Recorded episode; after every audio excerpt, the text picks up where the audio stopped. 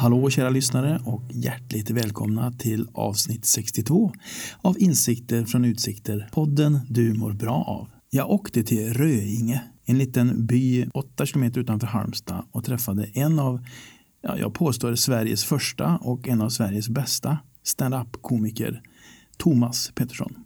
Det blev ett kärt möte för vi träffades för några år sedan när Thomas var regissör till min enmansföreställning Leka livet. Och jag kände att den här killen, han är en keeper. För nya lyssnare så kan jag berätta att jag heter Malte Hallqvist. Jag är komiker och föreläsare. Och i november så ska jag ut med min enmansföreställning Relationsteorin. Som är värmländsk vetenskapskomik om mänskliga relationer. Så är man lite intresserad av relationer och kanske lite intresserad av andra människor. Om man tycker att det är kul när det är kul och om man gillar att skratta mycket ja då är den här föreställningen perfekt för dig. Jag kommer vara i Stockholm den 11 november på Scalateatern. Jag är på Konserthuset i Göteborg 18 november och hemma i Värmland Karlstad 26 november. Ska vi inte orda så mycket mer om det utan nu släpper vi loss avsnitt 62 av Insikter från utsikter med Thomas Pettersson. Thomas Pettersson är en man som provat det mesta. Uppvuxen på en gård lärde han sig att arbeta hårt, köra traktor, bygga hus, bära sten och gräva gropar. Att han sedan också har uppträtt frekvent som sångare, tränat boxning samt spelat amatörteater gör att han har många strängar på sin lyra.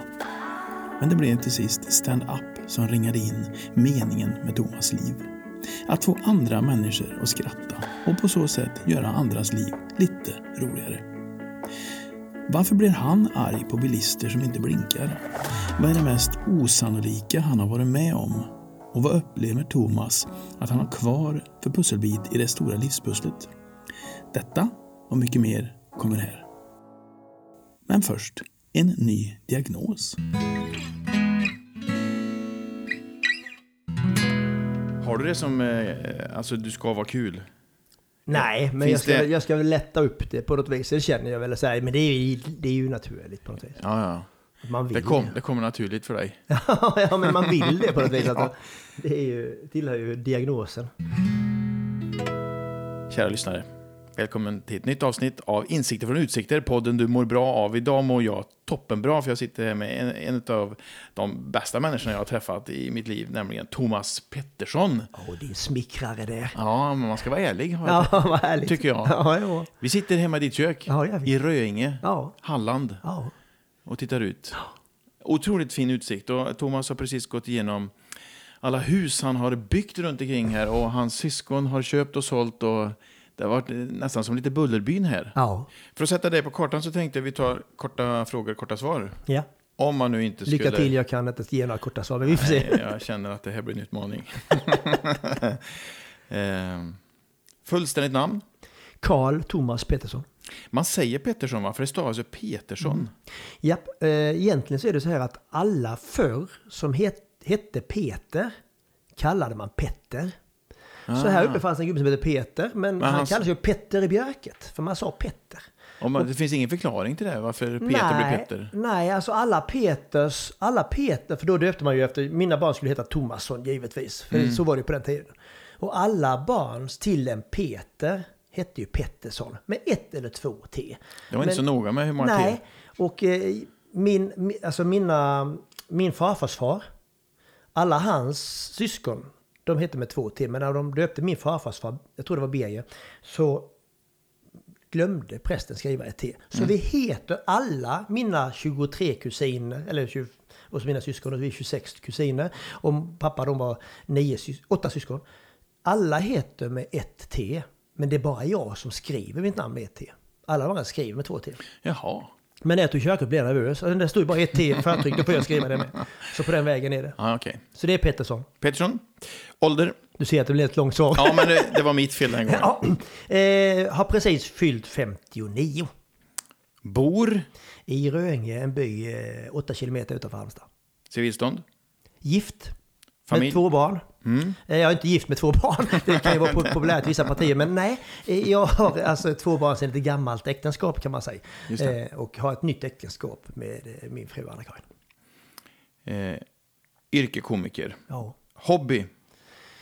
Ja, just nu är det till och med så att det är golf. Det är, ja, det är traktorer, eller maskiner överhuvudtaget. Det är det, är det och det är golf eh, som just nu är min hobby. Mm. Och handikapp har du... Pussel också. Pussel, jag älskar. Nu går vi in i hösten. pussel. Nu blir det pussel hela vintern och så här. Ah, handikappet i golf är 34,6 tror jag det. Mm. Men då har du fri tillgång till alla europeiska banor. Ja, Mm. än så länge har jag det. Äter helst? Oh, eh, ja, då får jag säga ett helst. Jag kan inte välja, men tapas. Jag älskar spansk mat och jag älskar italiensk mat och jag älskar svensk husmanskost. Men får jag bara välja ett, då tar jag tapas. För det är många olika då. Smart.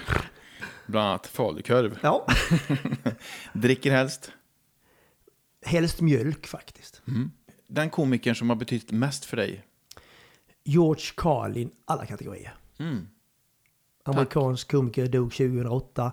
Började redan på, jag tror han gjorde skämt som radiokomiker på Kennedys tillträde tror jag. Så han har hållit på länge, dog 2008. En fantastisk ståuppkomiker. Så att det är väl han, och sen är det ju, där kan man heller inte välja. Man måste ha med, man måste ha med Tommy Cooper, man måste ha Nils Poppe på sin tid, var fantastisk. Eh, ja, det, är- det är många, men, men eh, George Carlin är min förebild. När man har pluggat på om dig Mm. så har du pratat om att eh, din komiska ådra är en diagnos. Ja.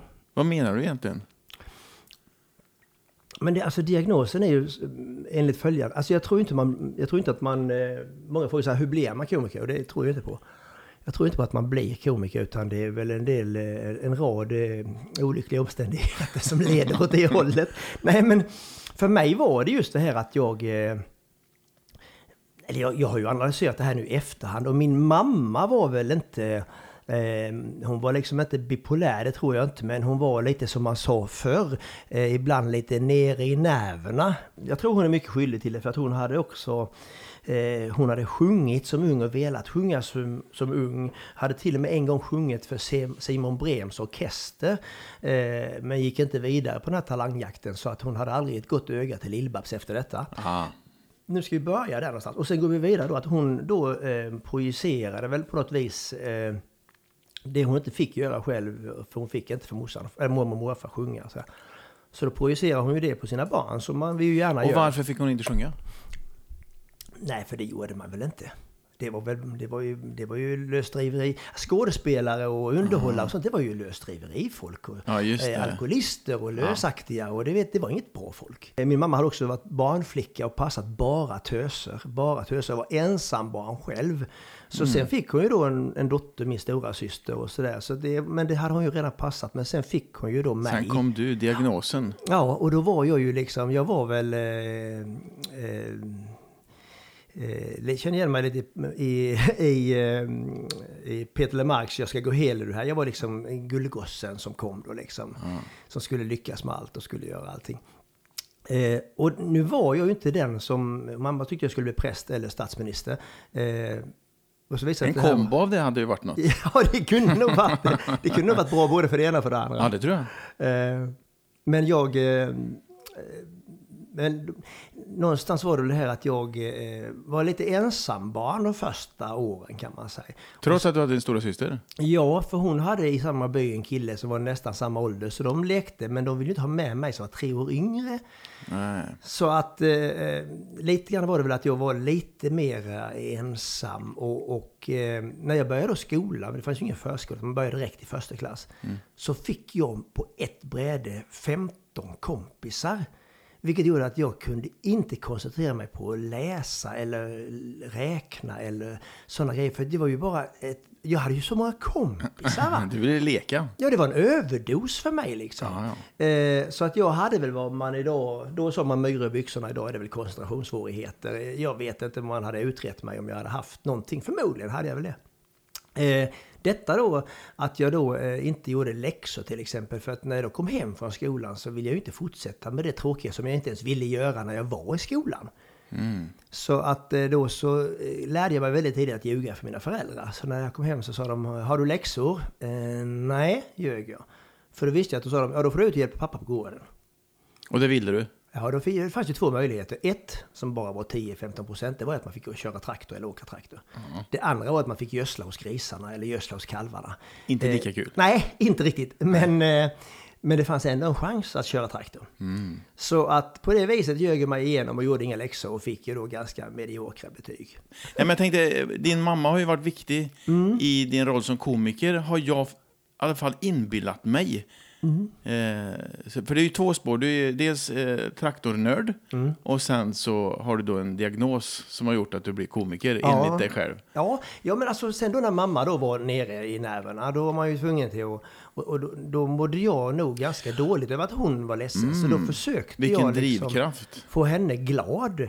Eh, och sen har jag väl alltid varit så också att eh, jag är, har liksom mycket känselspröt utanpå kroppen. Så att jag, så fort jag möter folk, eh, eller kompisar när jag var liten, så- har jag ju alltid velat få dem också att må bra.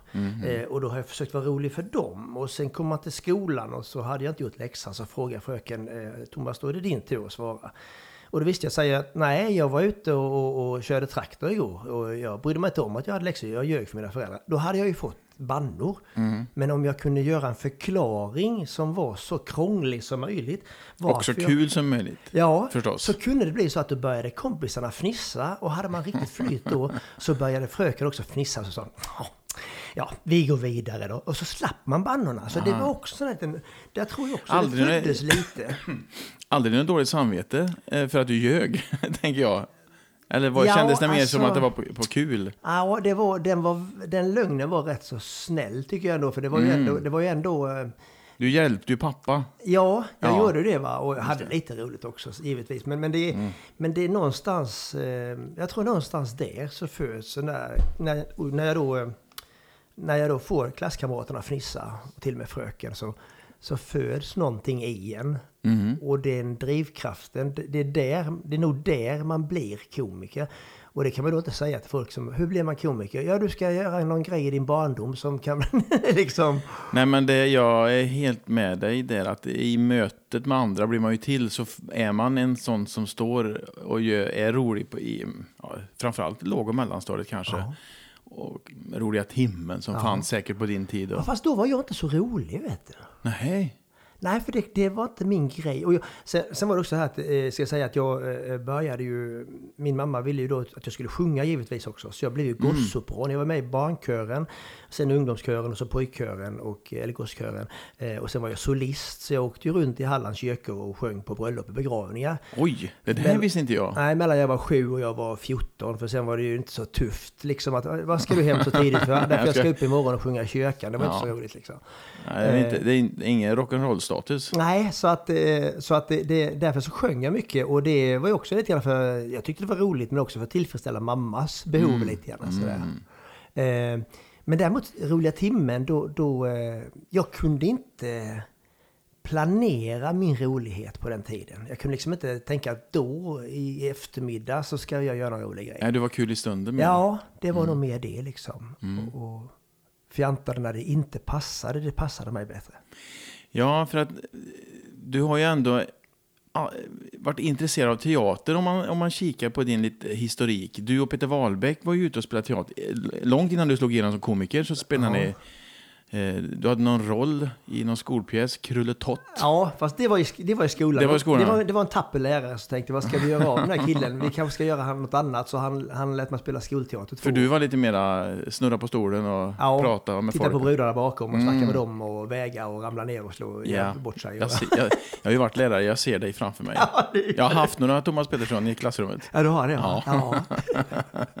och det, det, jag förstår det, för det är inte lätt att säga till dem, fortsätt så där. Ni kan säkert bli Thomas Pettersson när ni blir stora. Det. Nej. Nej, för det är ju det att de, de stör ju en del. Ja, de, vi, vi gör ju det. Ja. Så då, då blir det krulletott av dig istället? Ja, men även där var jag... Alltså, jo, Krulletott gjorde det då ganska bra, men jag tror det var... Men förlåt att jag avbryter dig nu, Ja. men det var liksom inte ditt initiativ att bli skådis, utan det var en, en tapper lärare som insåg att vi måste ge honom en roll här där det... Ja, han ville nog se om han kunde få mig eh, fokuserad på någonting. Så då han tog väl det här liksom... någonting? Ja, men det var lite sådär att om man tar detta då liksom. Ja. Det var alltid, det var alltid eh, sexorna som skulle spela julspelet. Men det året jag var med så var det femmorna som fick göra det. Och sen fick vi göra det året efter också. Så vi fick faktiskt göra det två år i rad då. Eh, Men tyckte du det var kul? Ja, det tyckte jag nog. Jag tyckte nog det var roligt. Det var det. Jag hade svans och stora sådana lösöron på mig och Ja. näsa. och För vad, vad, vad heter pjäsen? Tusse någonting? Tusse Trumpen hette det. Tusse Trumpen, ja. Jag vet inte vem som, vem som skrev den, det vet jag faktiskt inte. Men eh, det handlar ju om att en, en kille som i skolan som hade en fantasikompis som var det här trollet som jag spelade då. Så, Mm.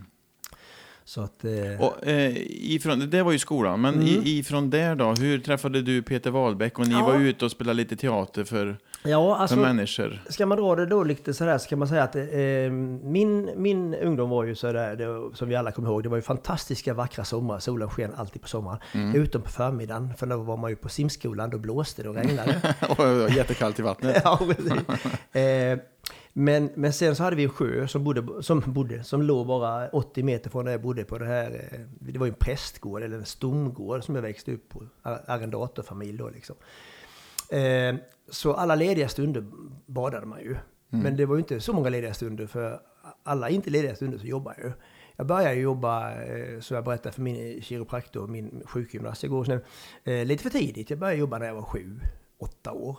Eh, Med hjälp av pappa? Ja, och köra skottkärra och så fick man ta så mycket man kunde för att eh, man fick köra, ville inte köra för många men man lastade så mycket det gick och sen så stod man där och böjde sig över eh, gödseln och, och med grepen och eh, någonstans där förstörde jag nog redan min rygg. Eller Okej. sådär.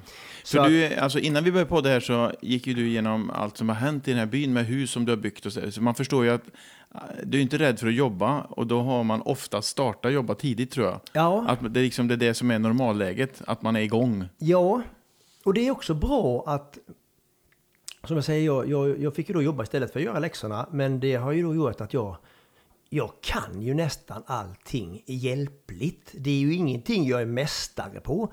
Men jag kan rätt mycket hjälpligt. Så jag klarar mig själv. Jag kan klä om ett hus och jag kan liksom regla en vägg och jag kan eh, eh, dra elledningar. Ja, jag kopplar inte dem men jag kan dra, jag kan jag göra det mesta liksom. Och jag kan gräva ett hål och fylla igen det. Så- och- Det krävs kanske inte så jättemycket. Nej, men det är också... Mina, min pappa sa ju till mig liksom var lite... Det här är ju intressant Malte, för vi, vi formas ju så otroligt mycket mellan. Vi är sju, åtta där när vi börjar bli lite medvetna om oss själva och kroppen.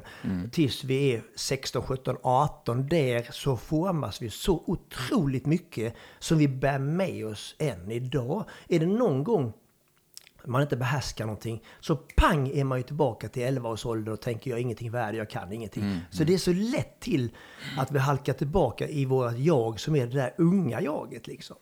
Eh, men jag, jag fick ju då lära mig tidigt att jobba och, och sådär. Och det gör ju att min pappa sa ju till mig till exempel Sitter du här till ingen nytta?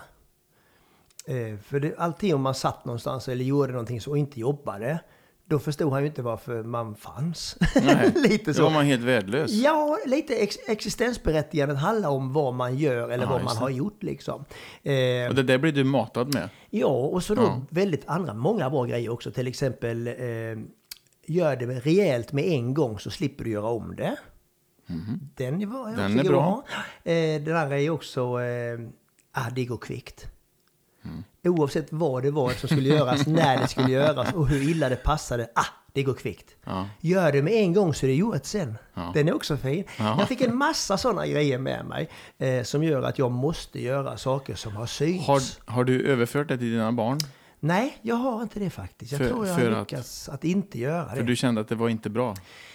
Ja, det är guld, men Lasse Gustafsson, brandmannen som Mm. brände sig rejält, eh, han, han och jag jobbar ju ihop och han sa en bra grej till mig. För jag sa att alla de här käpphästarna eller piskorna, vissa morötter med har jag med mig. Jag, måste, jag kan inte sitta här och skriva ett par bra skämt och sen sätta mig fakturera i källaren och sen måste jag ju ut och flytta några brädor eller något för att annars har jag inte gjort någonting den dagen. Nej, då har du varit till ingen nytta. Ja, och då sa, sa Lasse, ja fast eh, du kan inte skylla det på dina föräldrar, sa han. För alla föräldrar måste ge sina barn precis alla de verktygen som de eventuellt kan komma att behöva. Sen är den vuxna individen, mm. barnet, skyldig att göra sig av med de verktyg den inte Sortera behöver. lite i lådan. Ja. Mm. Och det är väl sant. Sen är det ju bra att ha dem för att jag vill göra allting rejält och jag Mm. vill göra det med en gång så är det gjort sen. Och det kan jag säga, jag har ju varit runt i ditt hus här. Det är ju rejält. Och, Alltså det, det är målat och det, det ser bra ut. Ja. Du sköter om det. Ja, hur skulle det annars se ut? Vad skulle folk tycka? ja, är det för andras det skull du gör det? ja, men det är det väl också. Ja. Alltså jag... Vad ska de säga om den här Thomas Pettersson som bor ute i Ja. Röinge? Ja. Slarver. Ja, Ingen- vi bodde på en prästgård med där skulle vara nyklippt alltid va. Oh. Och vem fick klippa då? Det fick ju grabben göra. Så jag Mm. klippte ju allt gräs där tre gånger om, om, om, veckan. Och, och sen så då när jag var liten så fick ju min pappa hasta ut på lördagskvällen och vända på potatislådorna. För där hade jag och min kompis Bennet lekt Hitler dagen innan. För allting man lekte var ju nazister och Hitler och krig. Ja. Så att jag hade ju ritat hakkors på alla potatislådorna. Oops, på prästgården. Ja. Den är ju tung. Så, så att, eh, men å andra sidan, då hade vi en sån här gammal sufflock-gräsklippare som man fick gå bakom och som stänkte upp på knäna. Eh, och då sa jag till min pappa hundra gånger, kan vi inte göra som grannarna? De hade trädgårdsmästeri.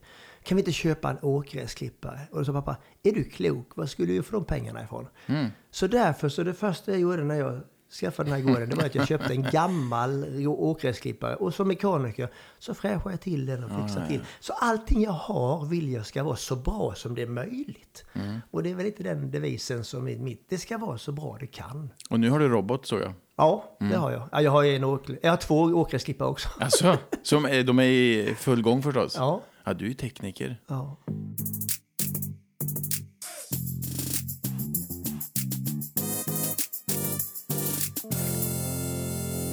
Sponsorsnack. Plasten är på väg ut och skogen är på väg in. Skogen visar oss på nya stigar kan man säga, om man vill leka lite med ord. Det är en spännande utveckling vi har framför oss med skogen tycker jag. Bildskärmar av papper, kolfiber för lättviktsmaterial och till och med ölflaskor av papper. Tänk dig att ta en bärs och bli lite rak i ryggen som en fura. Och ska vi nu vänta oss framtidens produkter ur skogen så är det viktigt att det är ett bra gäng som tar hand om skogen. Då finns Moälvens skog, förstår ni. De finns i Skåre. Bara en sån sak. Moälvens skog tar det på största allvar när det gäller förnya, röja, gallra och avverka skog. De är lyhörda, engagerade och driver själva lokala sågverk och förädlingsindustrier. De tar ansvar för kretsloppet och våra barns och barnbarns framtid. Så låt Moälvens skog bli ditt förstahandsval när det gäller skötsel av din skog. Moälvens skog, deras bästa gren är mer timmer i skogen.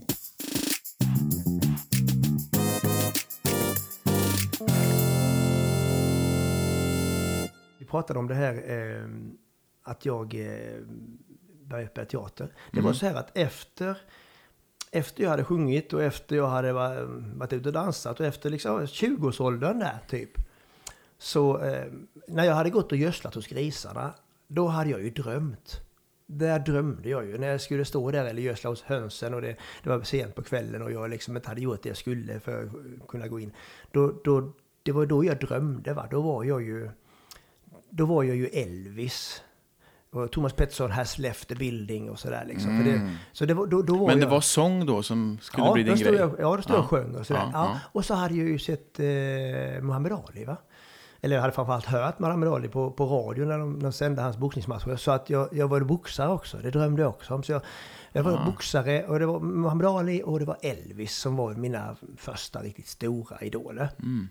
Så att när jag sen blev lite vuxen då eh, började jobba på en grustäkt, eh, alltså en grushaula som vi säger här då, alltså en bergtäkt eller där man gör, tar fram grus. Eh, jag hade sommarjobbat, jag blev traktormekaniker för det var ju det ungefär de betygsanspråken jag hade ställt på mig själv. Kan man säga. Eh, och också var jag intresserad av att plocka sönder saker och sätta ihop dem igen. Det, det Så det passar dig ganska bra? Ja, det kom väldigt tidigt. Jag vet inte varför. Nej? Mycket för att, tror jag... Och så jag, kärleken till, till traktorer som har varit... Eh, Ja, för att det började redan med cyklar. Jag fick ju inga nya cyklar utan jag fick ta gamla avlagda damcyklar och sånt. Och då kunde man byta styren på dem eller vända på dem. Så man fick Ah. skruva mycket. Och, just det, du, du gillar att skruva. ja, så där, jag tror det var med cyklarna. Ja. jag, och jag hade också, morsan och farsan hade en Tandberg, inte Tandberg, eh, ja en gammal Philips-bandspelare, rullbandspelare. Ja, men, heter de inte Tandberg? Jo. Nej, det var nog en Philips den första. Ja, ja, för det finns Tandberg, fina Ja, rullbandspelare. norska fina ja. Mm, mm. Men den gick sönder. Och eh, då skruvade jag isär hela den och hittade ett gummiband som hade hoppat av inuti. Och satte tillbaka det och satte ihop alltihopa igen och lagade den. Och sen när jag satte i ett litet stift som skulle tala om hur många volt den gick på. Då satte jag det fel så då brände jag hela bandspelaren. Men tillbaka till det. Så sen när jag då eh, utbildade mig till traktormekaniker. Då fanns det ju inga sådana jobb. Så då gick jag arbetslös, då egentligen kan man säga, i, i fem år. Men då jobbade jag med allt annat. Jag eh, började jobba med att gräva ut en, en bronsåldersgrav. Eh, som var en av de rik, alltså, fyndrikaste bronsåldersgravarna i hela Halland. Och det gjorde jag eh, som grovarbetare, så jag lyfte sten. För jag var bra på att lyfta sten. Jag hade lyft sten hela mitt liv som grabb ju. Ja. Eh, så att... Eh, och då fick jag också, då ställde de upp en hjullastare där från den här grustäkten som skulle utvidgas. Och så du som är bondagrabb, du kan ju... När ni har lagt stenen i den så kan du väl köra tömma den ut för slänten där? Jajamän. Fick jag köra hjullastare, det var lite häftigt. ju. Det måste ha varit kul för en Ja, kille ja. som gillar traktorer. Ja, ja, ja, det är ju en dröm. Du vet att det är en sån otrolig... Ja, vi ska inte gå in på det. Men i alla fall. Sen kan på- berätta för lyssnarna att nu, nu tändes någonting i ögonen på Thomas. Ja, Sen kom hösten och då sökte jag jobb där och de nej vi behöver inga. Men det gick någon månad så här, så ja men vi behöver nog lite hjälp i alla fall. Vill du komma och, och köra och tömma krossmaskinen eller sköta krossverket och köra och tömma lite krossad grus och sådär. Ja, så då fick jag köra lite lastbil också. Och där satt jag ju och sjöng. För nu var jag ju nära Elvis. Elvis hade ju kört lastbil innan han gick Just in på det. Sun Records. Så nu var jag, det här var en dröm som hade förverkligats. Och jag bara wow, detta är häftigt. Nu är jag lite Elvis och sådär. Eh, sen gick jag in på plönning, gick jag plönning i skolan och sådär. Och då tänkte jag att nej men, nu ska jag nog börja boxas. Det är ju dags nu. Jag var, så, jag var över 19 år så det var alldeles för sent. Ja. Så jag började boxas. Vad boxas skönt att du ändå liksom för någon slags logik med dig själv. Att nu är det nog dags, hörru. Ja, för jag kände att Elvis, det, var, det tog slut där någonstans. Ja. Eh, det hade redan funnits en Elvis ju. Eh, så, att, så sen boxades jag i tre år. Och jag, jag gillar ju tekniken och jag gillar boxning, men ehm, The Noble Art of Self-Defense, eh, som det då är, tycker jag, när man gör det snyggt. Stilboxare. Eh, sen blir jag aldrig bra, för jag har ingen killerinstinkt. Det märker jag efter tre år. Jag, jag kan ju inte sopa till den andra. Nej, jag är alldeles för snäll för det. Jag tänkte ju säga, det tror jag att du är alldeles för snäll för. Ja. Ja. Och alltså under de här tre åren så fick jag sådana här träningspris varje år. För jag var den som hade tränat bäst och idogt. Och ändå gick jag tre sådana diplommatcher, förlorade alla tre. och då så fattade jag att det här ska jag inte hålla på med. Och när jag kom hem en dag, då bodde jag i Halmstad. Då var det där sånt här teaterpack. Utanför Mm, det är amfiteatern lös- lösfolket. Ja, ja. Och då gick jag bara rätt över kullen och sa hej, hej, eh, hur börjar man? sa jag. Nej, vi är precis färdiga, sa de. Vi är Jag är en färdiga. gammal boxare som har lust att bli skådis. Jag sa, vi, vi har precis slutat, sa de. Ja, men hur, hur går jag med? Hur ska jag bli skådespelare liksom? Jaha, vill du börja? Ja, jag vill börja. Ja, men vad bra, sa de. På måndag inne på Folkets Parksteatern så, så börjar första kursen.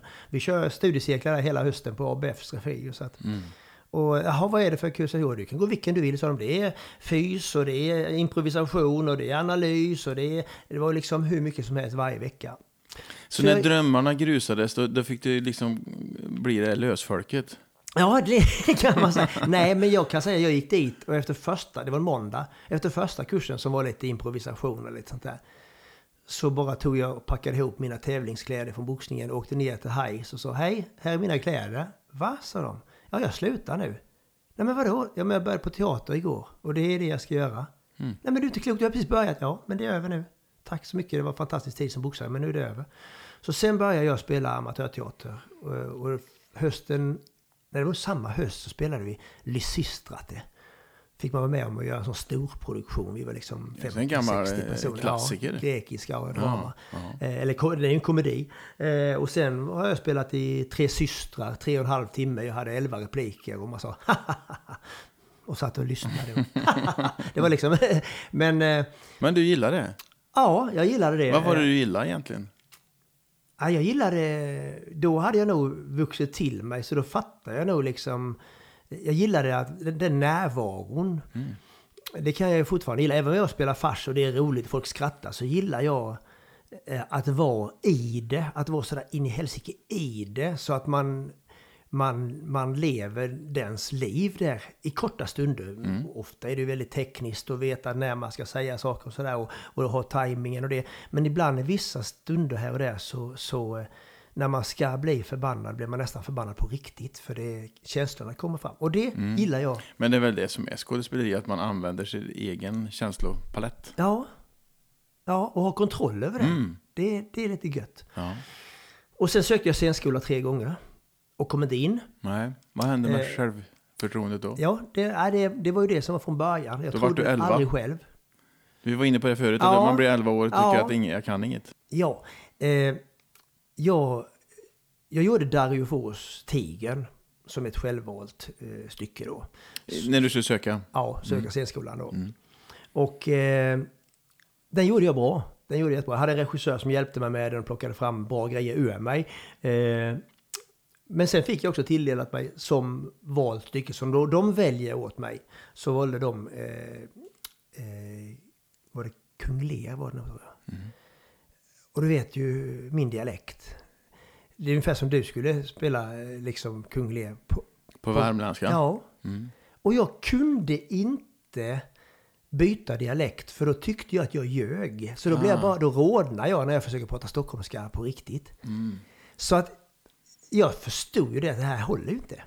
Och jag såg ju det mer än dem, så jag står ju och skäms på scenen. Ja, det är ju aldrig bra. Nej, det är inte det. Och jag sökte tre gånger och jag gick aldrig ens vidare till andra. Så att de ansåg väl att jag inte dög och att jag inte hade det. Och det var väl en himla tur det i efterhand. Mm. För du tänker att då hade du hamnat som skådis? Ja, och det skulle inte jag göra. Jag skulle och roa folk och få folk att garva och glömma vardagen. Det var ju min mission i det här livet. Så det hade jag ju inte fattat. Så att då var jag ju ganska knäckt. Nej, sista gången jag sökte i Stockholm, då var jag inte knäckt. För då, då visste jag om att det här, det här duger inte. Det här, så bra är jag inte så jag ska komma in ännu. Eh, och det, hade jag kommit in där så tar de ju väck allting som är du och sen börjar de bygga upp en ny person i det på något vis. Och, och, och det, det hade jag inte varit hjälpt av. När upptäckte du att du var rolig? Det var en, en magisk kväll. Jag konfirmerade mig för Missionsförbundet. För jämte kyrkan där jag bodde i Tönnesjö fanns det också ett missionshus. Där jag Ja, för gick- du var scout också va? Jajamensan. Ja, Först nu ska inte jag blanda ut din historia. Fortsätt du på din Ja, linje. söndagsskola först i några år och sen efter det så var jag scout och scoutledare, ledarscout och scoutledare och varit i Missionsförbundet i 21 år. Eh, mest för busa ha roligt där med underbar gemenskap. Eh, men men eh, då gick jag konfirmationsläger ute i Viken i Vilshärad här ute i Strandgården heter det, sommarkyrkan. Man var där i tre veckor tror jag. Eh, och vi var där en vecka, sen var det midsommar. Och det var två tjejer som jobbade i kiosken som hette Bella och Beda. Och Mm. vi var ju då 14 och de var typ 17-18. Och alla killar var ju helt Var de snygga också? Ja, ja, ja, ja. Du Åh, så vackra. Och så just det att de hade samma bokstav i namn. Det blir ju romantiskt bara jag hör det. Ja, och lite lätt rödhåriga, lite långhåriga. Ja, jättesöta tjejer. Ja. Så vi var förtjusta i dem och vi var tre kompisar. Jag och min andra kompis Thomas Lohanka. Och Gunte, Gunnemar Rolander. Vi tre, vi, vi, vi sprang efter de här tjejerna. Två tjejerna. Tre killar sprang efter två tjejer. Och så var det midsommarafton och de hade slutat i kiosken. Och då skulle vi gå ut och gå på stranden och sådär. Hela stranden var full av eldar där folk satt och spelade gitarr. Det var en underbar magisk midsommarnatt liksom. Och vi gick där och vi, vi, här, vi fem då. Jag, jag var lite förtjust i den ena och min kompis eh, Thomas då var också förtjust i samma tjej och Gunther var kär i den andra. Och efter ett tag så gick de lite nära varandra, Gunther och hon den ena där. Och Thomas började glida in mellan mig och henne. Så jag blev lite, ah.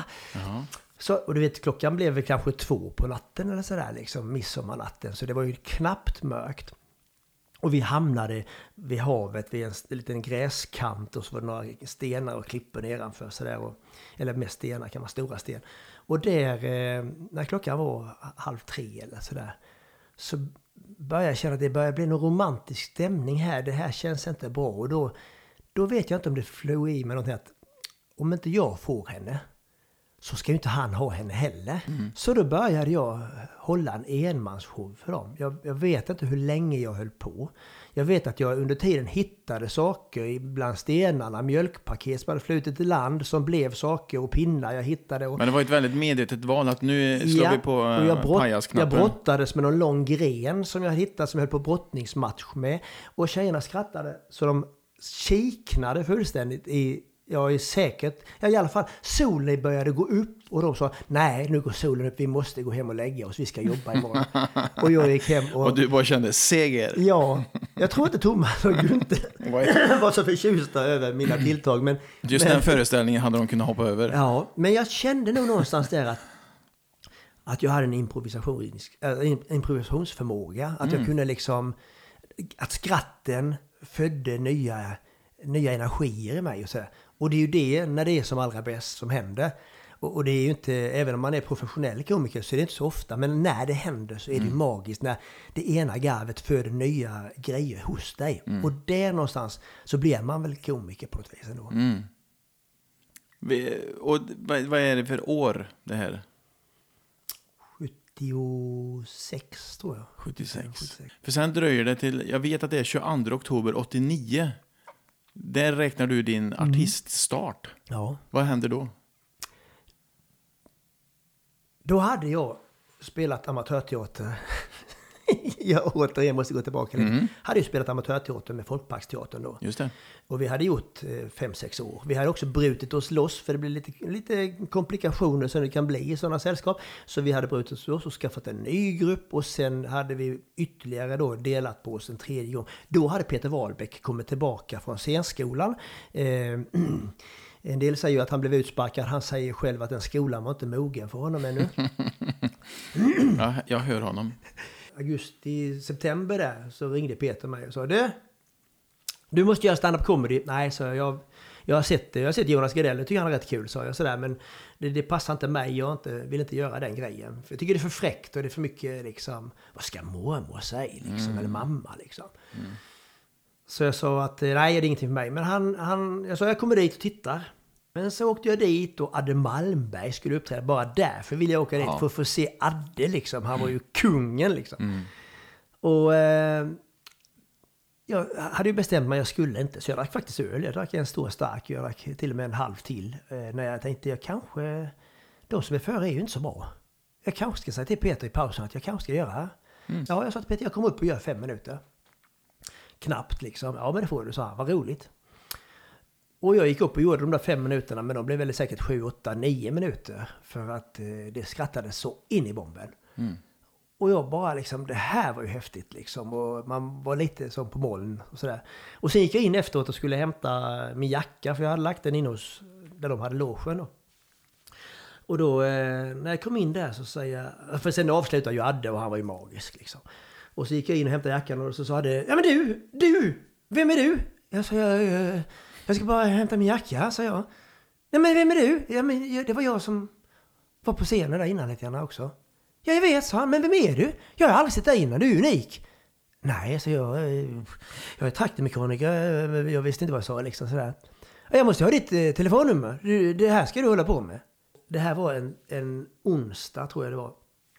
Och på torsdagen så ringer det klockan nio på jobbet. Och min verkmästare kommer och säger Thomas, telefon! Så jag tog det och då så sa det ju Hej, det här är Jan Sigurd i Malmö. Jag vet inte om du vet vem du är? Ja, jag, jag, jag, jag bara wow! Jag, jag, jag, jag såg jag, jag såg Adde Malmö igår. Jan Sigurd ringer mig idag. Det här är helt sjukt. Jag sa, jo, jo, jo, jag vet ju om du är här. Han sa, jag har just pratat med Adde Malmberg. Han säger att du är fantastisk. Ja, jag bara, nej, alltså det, jag har bara gjort det en gång. Och så här, så. Ja, men du ska komma ner till mig imorgon på Fredmans i Malmö, sa han. Ja, fast jag har bara fem minuter. Liksom. Ja, det blir bra. Kan du komma? Ja, ja, sa jag. Det här betyder en del för dig, det syns på hela dig. Ja, ja men det var, ju, det var ju helt magiskt. Och sen tar det bara någon timme, så ringer det igen. Thomas, telefon! Vad fan? Telefon! Ja, ja. Och jag går ut och, och tar det och säger Ja, tjena, det här är Bertil Goldberg i Stockholm. Eh, du ska vara på Norra Brunn på måndag. Är det okej eller? Det tog fart. En veck, mindre än en vecka efter första giget så hade jag varit i både Malmö och, och Stockholm och det tog fart direkt. Där har vi storyn. För Ja. eh, många gånger så när man pratar om dig så, så säger... Ja, men han var traktormekaniker och sen över en natt så vart han komiker. Ja. Men det finns så mycket mer bakom kände jag med här med eh, filtreringen inom frikyrkan där du fick öva Mm. som scout och din mamma och eh, eh, brudarna på B, Bella och... Ja, Beda, ja. Beda, ja. Eh, mm. Du vet, det är ju det som är så fantastiskt att eh, när man får pusselbitarna till livet på vägen så vet man ju inte var man ska sitta. Nej. Och jag har fått så många pusselbitar som jag inte begrep när jag stod med Kant och Lennart Gustafsson som sen, ja vi ska inte gå in på honom, men i alla fall. Eh, och jag stod i kyrkan och sjöng där Gud se i nåd till dessa två för det där paret som gifte sig. Eh, inte visste jag vad jag skulle ha det till. Eh, inte för när jag stod med Diggiloo-artisterna och hjälpte dem att ta stämmor. Och jag står och körar bakom andra eller när jag står och sjunger. Så fattar jag att vilken tur att jag fick den pusselbiten just då va. Ja.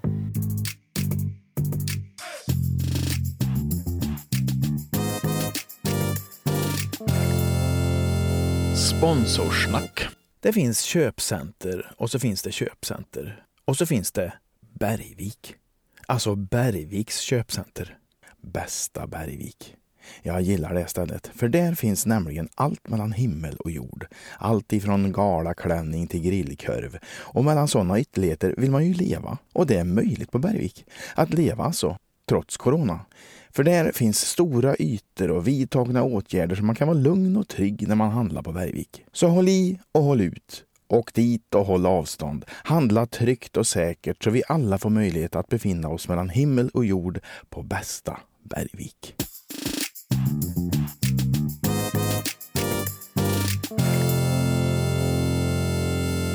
När jag fick nej tredje gången på scenskolan så sa jag till mig själv nu är det färdigdrömt Thomas. Nu ska vi inte drömma om en massa grejer som du bara blir besviken över. Alla drömmar går ju bara i kras. Det är ju värdelöst med drömmar. Det gör ju bara att du blir som, besviken. det låter som ett skydd. Ja, så då slutade jag drömma och sen dess har jag fått mer än vad jag någonsin vågat drömma om. Men menar du att vi ska skicka ut det, att folk ska sluta drömma? Nej, nej, nej, men jag tror att man ska ha... Jag tror att man ska... Jag, tr- jag tror att man ska ha drömmar, men man ska inte vänta sig att de... Det ska inte betyda allt om de går i uppfyllelse. Utan det bästa är bara, tror jag, att istället för drömma en massa, man kan drömma lite för drömmens skull eller för fantasin, men du ska inte ha det som eh, att det måste bli så här. För, inte för mig i alla fall, för då blir kraven på mig själv för stora och då presterar jag inte så bra. Men om, för mig var det guld att få bit för bit och göra det bästa av situationen. För alla jobb jag har gjort, mer eller mindre, så har jag alltid tänkt Okej, det är de här förutsättningarna. Eh, och det här kanske inte är så bra. Nu kommer det vara, de är lite för fulla här. Men jag, jag, jag får göra det bästa jag kan av det här. Och, och göra det med glädje. Och ge, ge mig på varje grej med, med hitta lusten i varje grej och, och sådär på något vis. Och Men- det har blivit bättre. Ja, för om jag försöker lyssna på vad du säger så är det mer att en dröm föder en ambition som kan stå i vägen. Ja, det kan man nog säga. Det är bra formulerat. Ja. För det har man ju sett människor, och jag har nog utsatt mig själv för det, tror jag. Att ambitionen är så hög så att den är i vägen så att det blir inte gjort. Nej. Och det blir, inte, det blir heller inte... Det blir också mycket bättre om det är roligt istället för att... Ja. ja. Att man helt enkelt slappnar av. Ja. Och det är ju lätt att säga. Vi säger så. Ja.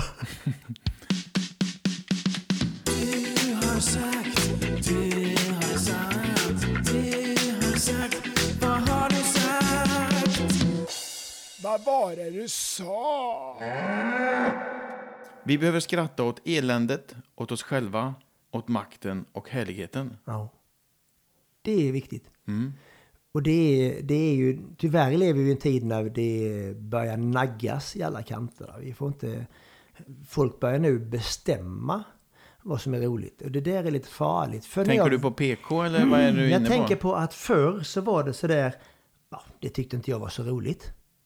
Eller var det, det fattade inte jag. Mm. Idag är det, det är inte roligt.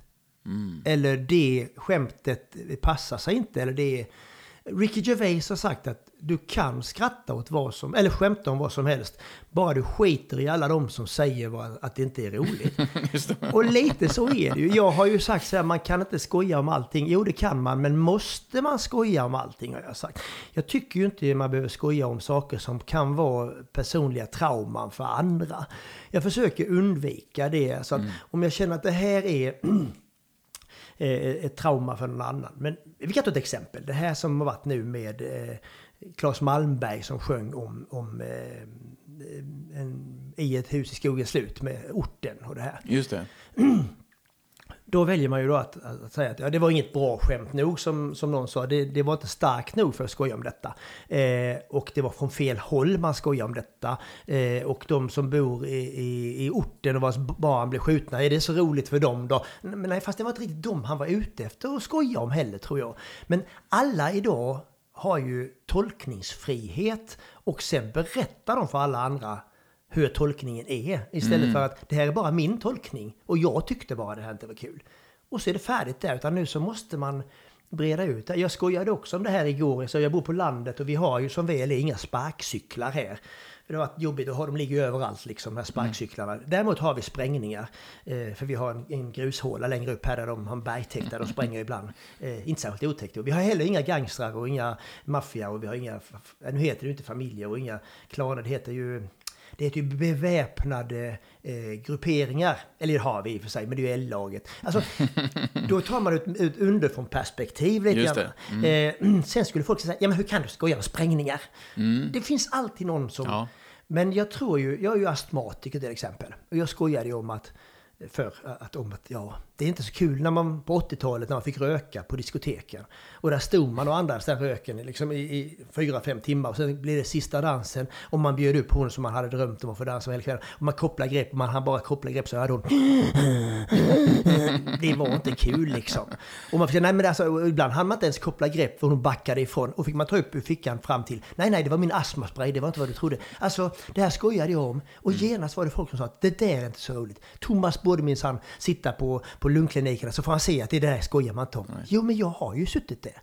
Ni vägrar bara gå en mil i mina skor. Jag vet vad jag skojar om. Jag har perspektivet. Eh, jag har rätt att skoja om detta. För jag vet också att de flesta trauman vi har, om vi kan försöka hitta ett sätt att avdramatisera det, så är det genom humor. Och då blir det lite lättare att bära bördorna. Eh, Och där tycker jag också du har mandat. En, en eh, människa med cancer kan få skoja om cancer. absolut. Astma. Jag skojar ju mycket med, med och om handikapp. Ja. I och med att jag har en dotter. Ja. Och det tycker jag att det får jag. Ja, och det finns ändå en Jo. av tio, som, Ja, eller ja. hundra, som tycker har- att ja, men det, där, det där, nu drar du nytta av det. Alltså, det Mm, finns jag har alltid fått och- brev. Ja, och de där tycker jag liksom att de där hörs ju så mycket idag. Mm. Det, fanns ju, det har ju funnits idioter i alla tider, men de har inte funnits på Facebook och på Nej. alla medier. Det, det finns en plattform för, Ja, för ja. idioter nu. Ja, som heter Facebook. Ja, och jag är ju försiktig med vad jag säger eh, för att jag vill inte avslöja att jag är dummare än jag är. Men det folk har inga bekymmer med det. Nej. Men jag tycker det. Ja. Ja, jag retar mig på folk som inte blinkar i trafiken. Ja. ja. Ja, vad händer i dig då? då? Ja, men jag, det, har, det har hänt mycket. Jag har ju sagt kört bil här i 32 år i det här landet. Och jag älskade förr när man eh, körde på nätterna. För det var bara jag och yrkestrafikanterna ute och de hjälpte till. Vi hjälpte varandra. De, de bländade av eh, innan liksom, krön för att visa att det kommer ingen där borta. Och de blinkade in och jag kunde smita förbi. det. För de, de, de, det var ett samarbete som var så flytande och skönt. Och, och man liksom tackade varandra och blinkade och grejade. Och det var, det var, jag gillade den grejen liksom. Eh, och idag så är det så här att det är någonting med folk eh, som sitter eh, utanför McDonalds i bilen och äter sin mat. Sen öppnar de dörren, sätter påsen under bilen och kör därifrån. Och så kommer fåglarna dit och sprätter ut det här. Alltså folk som inte tänker på andra än sig själv. Och det är... Det, det konstiga med det är att det har ingen det har ingen religiös eller ekonomisk eller rasmässig, om det nu finns raser. Det har inget sånt. Det idioter finns i alla grupper. Det är helt universellt liksom. Och att man inte kan tänka att jag, jag hjälper den där fram. Om jag kommer här nu fram mot rondellen och jag blinkar direkt långt innan att jag ska svänga höger här. Då kan han ge sig ut och behöver inte tänka på att jag ska rakt fram. Alltså att man försöker ligga före. Var lite smidig. Ja, och det tycker jag att tänka lite före i alla lägen. Jag skojar om det att eh, när du kommer med två kassar fulla och den framför släpper igen dörren så blir man ju vansinnig va. Eller när man sitter på ett sånt här offentligt skithus och de har en stor sån här plåtgrej med ett skithuspapper. Du, du flår hela armen för du ska leta upp en bit papper för det sitter långt uppåt helsike. Eller, eller liksom du, den framför dig inte lägger den där pinnen som ska dela av. Ska jag behöva lägga hans pinne? Han ska ju lägga sin pinne när hans var slut. Och du retar upp den. Men då får man ju försöka fokusera om och tänka liksom att "Nej, men jag lägger min pinne och jag lägger hans också då. Så har jag ramat in mina varor här liksom. Eller jag drar fram en liten bit skithuspapper till han som kommer efter mig. Gör du det? Ja. Ja. Och så gör man, man tänker så. Eller som i mitt förhållande med min fru. Jag eh, har ju ett misslyckat äktenskap. Nej, det var jättelyckat, men det tog slut. Eh, I detta så ligger jag före. Jag fixar grejer, jag överraskar henne. Och, och hon, det har smittat henne, så hon gör likadant med mig. Och allting vi kan göra före, det, det tror jag Ibland är det tungt, men jag tror och jag vill tro att det kan ge ringa på vattnet att andra gör det med. Men, men, men det är tufft för att de där idioterna man ser överallt, det är ju de som färgar en mer. De som inte blinkar i rondellen färgar en mer än de som faktiskt har dragit fram en bit skithuspapper till dig. Vi, vi pratar om egoism egentligen och Ja, och det finns överallt Ja. i alla varianter. Eh, att flytta fokus från sig själv. Ja. Mm. Och du, vad folk inte fattar, vad folk inte fattar, det är ju att när du gör en liten grej, det här är ju också för din egen skull, men om du gör en liten grej åt någon och du märker att den tar detta och blir glad, så mår du själv så jädra gött. När du har gjort någonting som den blir glad av. Sen är det inte säkert att den tyvärr gör det i sin tur med nästa. Men om man ser de grejerna man gör, vad de kan göra, och som man gör åt andra, så är det nästan mer tillfredsställande än när någon har gjort det åt dig själv på något Ja, vis. ja, men det, finns, ju, det finns till och med forskning i det där. Jaha. Ja, att, eh, att göra saker för andra gör dig lycklig. Ja, pay it for- forward som Ja, då lite. så Stefan Einhorn skriver det om det i sin bok. Han har ju inte kommit på det, men han sk- beskrev det så bra att man kan ju faktiskt av rent egoistiska skäl vara snäll mot andra. Ja, det är, För att man mår bra. Det är den här teorin att ingen gör någonting för någon annan skulle man göra det ändå för sig själv. Ja. Och det är lite det här, eh, om vi kallar det godhetsknarkande eller vad det är. Men, Mm. men då ska man inte, man ska inte göra det för att visa upp det. Utan man ska bara göra det, tycker jag, ändå för sin egen skull. Ja, Så man jo ska- men precis. Man ska inte säga så här, titta nu har jag dragit fram skithuspapret. Nu gjorde jag visserligen det, men, men, Mm. men ja, du förstår. Ja. Jag hörde en sån story om eh, eh, just när man inte kan ha tyst om det bra man har gjort. så var det eh, en församling och så hade då någon anonym gett hundratusen. Ja. Och så efter en stund så reser sig storbonden upp och säger att jag tyckte det var bäst så. ja, precis. Ja, precis. Kan inte låta bli. Nej, nej. Jag behöver ha lite tråkigt ibland. Ja, det behöver jag ha för att eh, det tror jag också har med att göra när då gödslade hos grisarna när jag var 7, 8, 9, 10 år. Att eh, ju längre man stod och gjorde något tråkigt eh, så ju mer kommer ju hjärnan igång. För du måste ha roligt någonstans. Och är det är det inte roligt där på utsidan så får det vara roligt på insidan. Så att... Eh, eh, jag kan ta ett exempel. Jag, jag faktiskt har nya portar på min, på min lada här ute. Och de gjorde faktiskt, mina, mina snickare kom hit. Jag sa jag orkar inte. Jag, jag orkar inte, ni får komma hit, gör en port åt mig. Och så fick jag ju måla den sen. Så på kvällen ställde jag mig och målade den, grundade hela den. Och det tar väl en timme. Eh, och då ska jag iväg och göra podd, för jag poddar ju för Halmstad bollklubb där jag är ambassadör. Och eh, då hade jag ju fått reda på att vi skulle prata om någonting på våran 11 minuter som vi kallar det, som är mitt i podden då. och jag hade ingenting om det. Jag hade ingenting att säga om den, för jag, jag är inte så bra på fotboll så jag kommer ihåg eller kan någonting. Men då började jag tänka att det skulle vara någon målvakt vi skulle prata om. Då började jag tänka på när jag står och målar och har tråkigt där och det börjar gå stiltje i huvudet. Sen började det snurra på lite då. Och så började jag tänka när jag var liten så sa de då fick man alltid stå i mål när man inte var bra nog. Du får stå i mål. Ja, fast jag kan inte. Jo, du får stå i mål. Man var inte bra nog ute. Så där stod man ju då. Och om de sköt rätt på en så man stoppade en boll. Så sa de Wow, det är rena Golden Banks ju.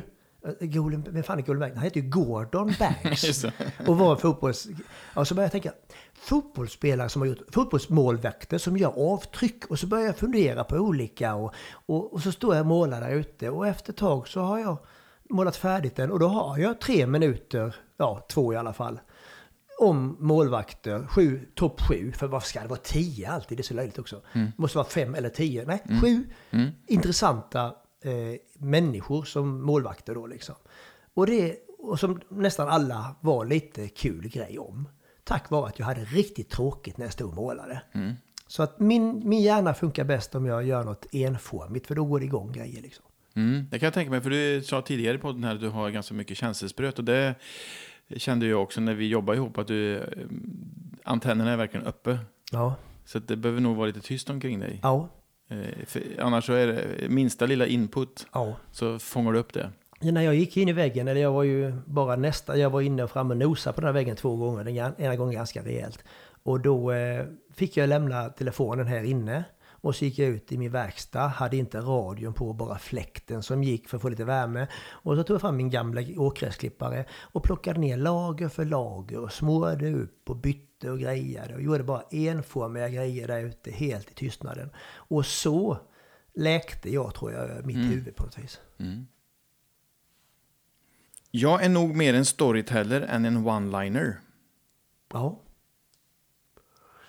Ja, och framförallt i början var det så. Jag ville ju inte erkänna att jag hade några tekniker överhuvudtaget i början. För jag tyckte inte jag hade det. Jag var ju bara, ville bara berätta om grabbarna på slakteriet och eh, berätta liksom om grejer jag varit med om och sådär. Och krydda till dem visserligen och vika ut dem lite här och där och sådär. Men, jag, men att skriva bra one-liners har aldrig varit riktigt min grej. Jag har, Eh, som jag sa, de flesta har sådär att de berättar en liten grej och, och, och så är det lite halvroligt under tiden och sen kommer det en himla rolig grej på slutet som en punchline då. Eh, jag har en helt annan teknik. Jag börjar med att det händer ingenting på en lång stund och sen på slutet så finns det ingen poäng heller. Och det har varit lite... Det är, det är din teknik. Ja, och det har varit, det har varit lyckosamt. Eh, för då är det ofta personligheten eller den figuren som är jag på scenen som, som fyller de luckorna. Utom när man då kommer till ett fylleslag någonstans. För de tycker det är rätt meningslöst att lyssna på det som inte händer någonting i. Va? Men, Nej, det är sant. så att... Eh, Ja, men en spaning jag har gjort, för jag har ju lyssnat mycket på dig, eh, långt innan vi lärde känna varandra också. Det är att, och då förstår man också att fars passar bra till dig. För du är fantastisk på att måla upp situationskomik. Att du berättar någonting där man förstår att det här är en väldigt rolig situation. Ja, Och så kan man ibland känna igenkänning Ja. i det. Eller så känner man eh, alltså ren dumhet kan ju också vara väldigt roligt. Men att du är ju fantastiskt duktig på att berätta och måla upp en historia. Ja. Ungefär som när man tittar, tittar, tittar på fars. Det är ju ofta situationskomik ja, eller karaktärskomik. Ja, Ja, alltså jag tycker ju, jag har ju till exempel eh, ibland tänkt, det är jag nöjd med, med, med mig själv. Faktiskt är jag ibland nöjd med grejer och det är, jag är nöjd med att eh, jag kan stå och göra en, en show liksom på 45 minuter och jag vet om att jag har haft 8-10 snuskiga skämt. Och efteråt kommer folk fram och säger det är så bra med dig Thomas för du är aldrig under bältet. Men det är bara för att jag ofta inte säger orden utan jag låter folk se bilder. Och berättar jag om saker utan att definiera det så får de själva bestämma vilken nivå de vill se de bilderna i. Och för en del blir det jättesnuskigt och för en del blir det precis lagom. För de väljer själva. Då kan de inte skylla mig för de bilderna för de har själva sett dem. Det är lite sån här komisk jazz. Ja, ja. Eller hur? lite så kan man säga. Och det tycker jag väl lite är... Det tycker jag är lite... Och det, som jag säger, det, det kräver ju också... Jag var jobbade på två jobb nu. Ett eh, där folk satt nära, tajt och bra och alla ser varenda, varenda skiftning i min blick. Eh, och varje paus betyder någonting och de garvar ju som bara den. För de vet precis vad jag är ute efter och de vet precis vad jag inte menar. Och de vet precis alltihopa. Och så nästa gig man gör då är det en avlång lokal där halva gänget och dåligt ljus så jag blir bara platt vit. Det, det, hälften dör på vägen liksom. Men jag tycker om att och liksom få använda mer För det sa jag ganska tidigt att, att stand-upen är ju så här, det funkar för en del. Steven Wright står ju bara och tittar rätt ner i golvet och lägger sina one-liners, då funkar det ju. Men ju mer man varierar rösten, tonfallet, styrkan, eh, rörelserna, mimiken, ju mer blir helhetsupplevelsen. Därför kan det bli en show fast det bara är en kille med en mikrofon. Mm. Medan om du bara står där och rapar dina skämt rakt fram, då, då händer det inte lika mycket. Så jag har ju alltid velat göra så mycket show mm. som möjligt av det, för mm. större intryck. Stockholmarnas humor är mer ängslig. Ja, här vill jag förklara vad jag menar. Det är ju mm. att eh, det har alltid funkat så för mig. Alltså stockholmare är ju ett gäng lantisar som har flyttat till ett ställe för jobbets skull eller för kärleken. Så bor de där uppe och de känner sig aldrig homogena med resten av staden. Så att det är väldigt sällan som, som om jag kommer till Malmö så vet ju alla i Malmö att vi är här, vi är Malmö. Och det, de, har en, de är rätt trygga i det. Och även om det är folk som har åkt ut, utifrån landet och in till Malmö så är de ändå de är skåningar. De, de är gemensamma, de är en homogen grupp. Men det är, stockholmarna är alltid lite, lite mer ängsliga och känner efter lite på fel sätt. Istället för bara slappna av och garva rätt ut och sådär. Ehm, för de är mer påpassade känns det som. Mm. Ett typiskt exempel är eh, eh, en man eh, en, komiker, ja, eller jag kan säga det var Babbens före detta man som var och tittade på mig. Och jag, det här är hundra år sedan. Jag körde raggarledaren från Öland. Han som mm. får stryk i alla lägen. Och det, han åker på den ena smällen efter den andra och han är lika glad för det. Mm. Eh, och då efter, och folk flabbade sådär. Och efter hade då han kommit fram och sagt till någon då att Ja, det var trevligt ikväll. Det var trevligt. Han var riktigt stockholmare. Mm. Det var den där Thomas Pettersson alltså. Jag, jag förstår inte på honom. Varför, varför får folk garva? Det är ju bara tragiskt. Han kunde liksom inte se sig själv med de ögonen. Nej, liksom. Han kunde inte genomskåda sig själv. Eller, mm. Så, att, så att eh, ibland är det lite så. Ibland så tittar de lite mycket, skrattar de andra, för annars vågar nog inte jag skratta. För hur skulle mm. det se ut? Lite så kan det vara, om jag generaliserar. Jag förstår. Vart har du mest publik? Alltså, Nej, Skåne. Att, ja. Skåne och Småland är ju min hemmaplan. Stockholm är ingen stor marknad? Nej, och nu gör jag inte Stockholm längre heller. För jag tycker det tar för mycket energi att åka upp och så ska man ja. gå på sent och så är det trötta folk som sitter och tittar på. Vi ska ju, det är ju en dag imorgon också. Mm. Nej, jag tycker inte det är... Jag har inte så roligt. Jag har gjort det med Diggiloo, varit på Ulriksdal och folk har garvat läppen av sig. Så det är inte det. Nej. Det är bara att jag har inget forum där som passar mig perfekt tycker nej, jag. Nej. Så då, då gör jag inte så mycket Stockholm. Nej, Sen säger jag alltid stockholmarna, när kommer du hit? Varför kommer du aldrig hit? När kommer du hit? Och så åker jag dit, så kommer de inte dit. Mm. Ni får ju så. komma dit och skratta om Thomas ska komma, fattar ni väl? Ja. ja. Mina damer och herrar, det har äntligen blivit dags, inte bara för mitt och Maltes favoritmoment här i programmet, i podcasten, utan jag gissar för er allas. Det har blivit dags för Tombolan!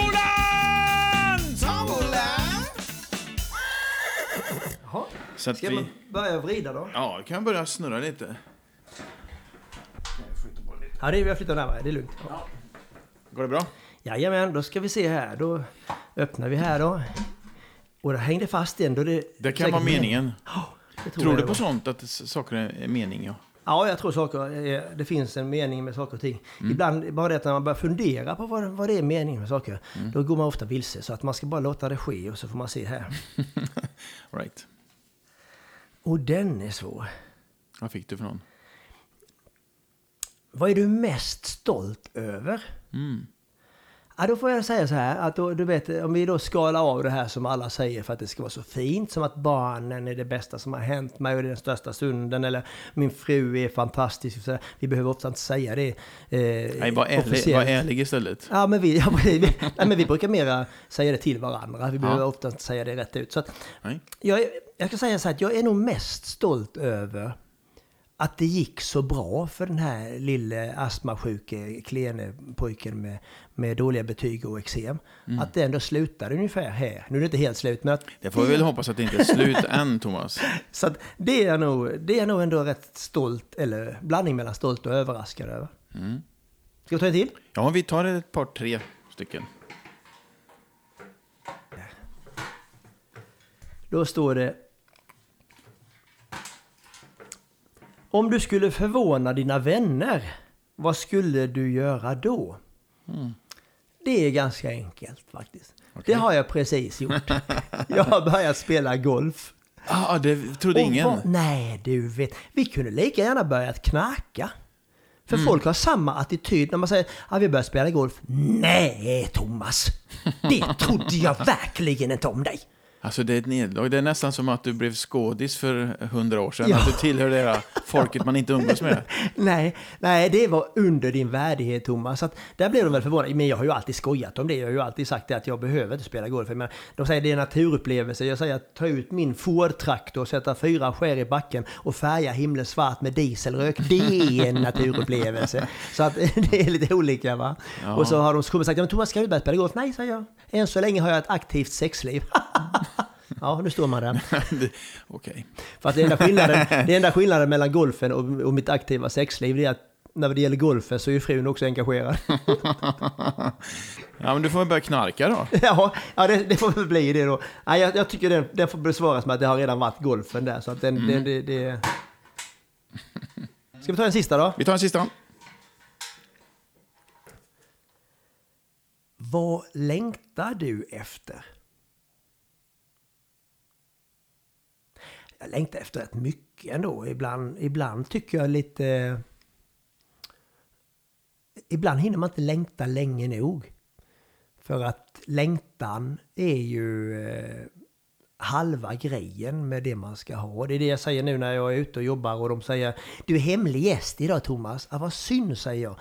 För att de som ska se mig hade behövt längta lite för då blir upplevelsen mycket större. Det förstår inte folk. Det är bara jag och Britt-Marie på ekonomin som vet om detta. Det är jätteroligt. Ja, det är jätteroligt för mig. Det är katastrof för mig. För att längtan jag är sådär, vi, vi reser mycket jag och frun och det är inte bara för att eh, vi tycker det är härligt att komma till en storstad i New York eller vi gillar att ligga på en strand i Mexiko utan det är också för att vi hatar miljön. Men Just det. när vi reser då, då gillar jag ju längtan, eh, längta.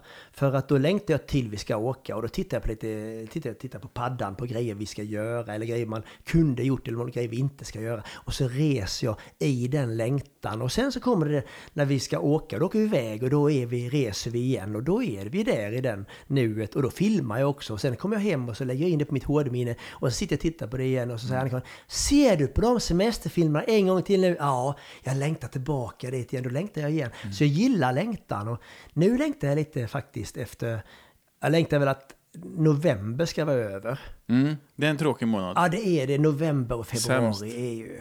In, obra. Ja, så att då längtar jag till det ska vara över så vi går in i december så jag kan börja sjunga psalmer, julsalmer och, och tända lite ljus och, och njuta av julen. Jag är ju juloman också vet du. Så att, Okej, det visste inte jag. Ja, jag är ju Mm. mer tomtar, änglar och glitter och skit dess bättre. Det är... Fyller du huset här med Ja, så med mycket sånt? jag kan. Ja, jag har, jag har, jag, har sju lådor men, men, eh, fulla. Men, men, eh, Ja, Så det gillar jag ju. så ja att, jul är eh, härligt. Ja, så att, ja, jag kan nog säga att det, nu gillar jag, längtar jag efter två saker då. Jul och resor.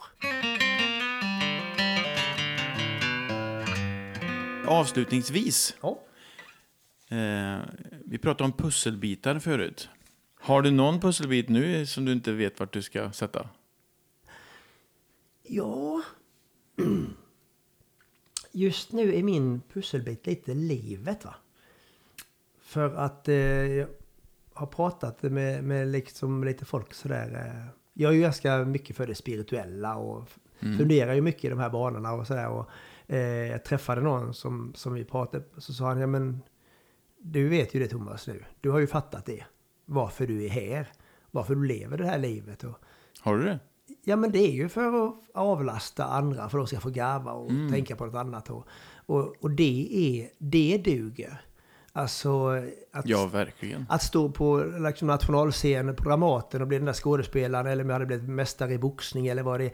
Alltså bara att få folk i vardagen och garva loss eller kunna garva åt sig själva eller se sig själva genom mina ögon.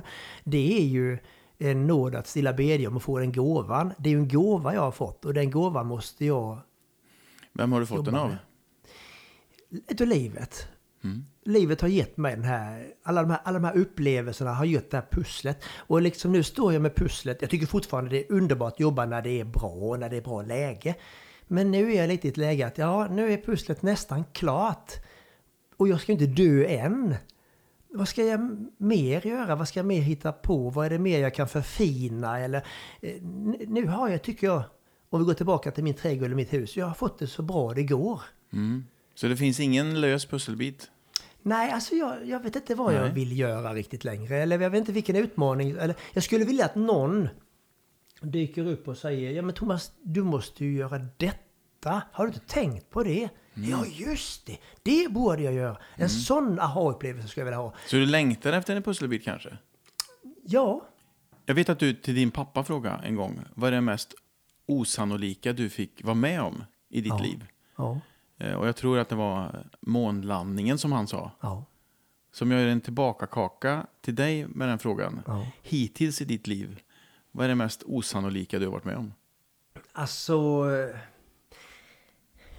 Rent... Den, den, tekniska frågan var min, min pappa ju. För att han hade ju fått vara med höll nästan när bilen kom. Han var född 33 så det var men han liksom... Det var ju den tekniska grejen som jag var ute efter honom. Och därför jag mm. säga att, alltså, att jag har försökt förklara för folk. Eh, men det, det är ju den här kokande grodan va. Det, det går så sakta så vi hinner ju inte se det förrän vi tar ett steg tillbaka. Eh, eh, och att vi med de här mobiltelefonerna idag kan beställa den där biljetten, boka den där biljetten, betala den där biljetten. Vi kan göra, och vi, vill vi inte det så kan vi se den där föreställningen som vi inte bokat i biljetten. Den kan vi se direkt i telefonen. Alltså kommunikationen är ju galen. Eh, vi tar oss inte till månen längre, vi tar oss runt världen på nanosekunder. Det tycker jag är egentligen fantastiskt. Och vi, om vi tänker då vad som har hänt sen då 91 eller eller 89 när jag började med standupen på 32 år. Vad som har hänt med kommunikationen, eh, mjukvaror och det här. Eh, tänk då vad som kommer hända de närmaste 10 åren. Det kommer ju galoppera ännu värre. Så det är ju jag väldigt imponerad av. Sen måste jag säga också att det viktiga ibland är att ta ett steg tillbaka och se vad man har eller vad man är eller vad man får. När vi spelade Little Shop of Horrors som var våra tioårsjubileum här i Halmstad. Vi spelar ju fars här i tio år men vi avslutar med en musikal. Eh, och min fru Anna-Karin som är 14 år yngre än mig. Eh, hon jobbar ju då med mig och Ulla Skog som också var nej, eh, med... eh, Nej, det var inte, det var inte Little Shop of Horrors, förlåt mig. När vi gjorde, när vi gjorde Rampfeber. Då var Ulla Skog med, Sven Melander var med, Claes Månsson var med. Och en, en helg så sa Sven Melander, kan ni ta min Jaguar och ställa hos er? Va? sa jag. Ah, jag ska flyga till Stockholm i helgen, jag vill inte ha min bil ståendes på flygplatsen. Kan ni ta hem den? Jajamensan, sa vi. Så vi åkte upp, jag och Anna-Karin och jag tog hans Jaguar och hon tog min bil och vi körde hem här och ställde den på gården. Så den stod här under helgen. Och vi var mitt- uppe i repetitionerna av den här pjäsen och det gick som bara den. Och rätt som det är så vi sitter här och fikar då liksom och man på helgen så säger Anna-Karin, hm, tänk ändå om man tänker tillbaka när jag, när jag var liten, sa hon, eller mindre när jag var 15 liksom. Och jag tittade på Slängda i brunnen. Eh, och sådär. Då hade vi känt varandra i många år. Men tänkte jag tittade på Slängda i brunnen och var det inte det så älskade jag ju Lorry. Eh, med Claes Månsson. Med ja, Claes Månsson och Ulla Skog. Ulla Skog är hennes stora idol. Eh, och, och liksom Sven Melander var Rulle. Hej, Sketus-Rulle och bla bla bla. Om någon då hade sagt till mig att om ungefär 25 år så kommer du bo ihop med Thomas Pettersson. Du jobbar med Claes Månsson och Ulla Skog.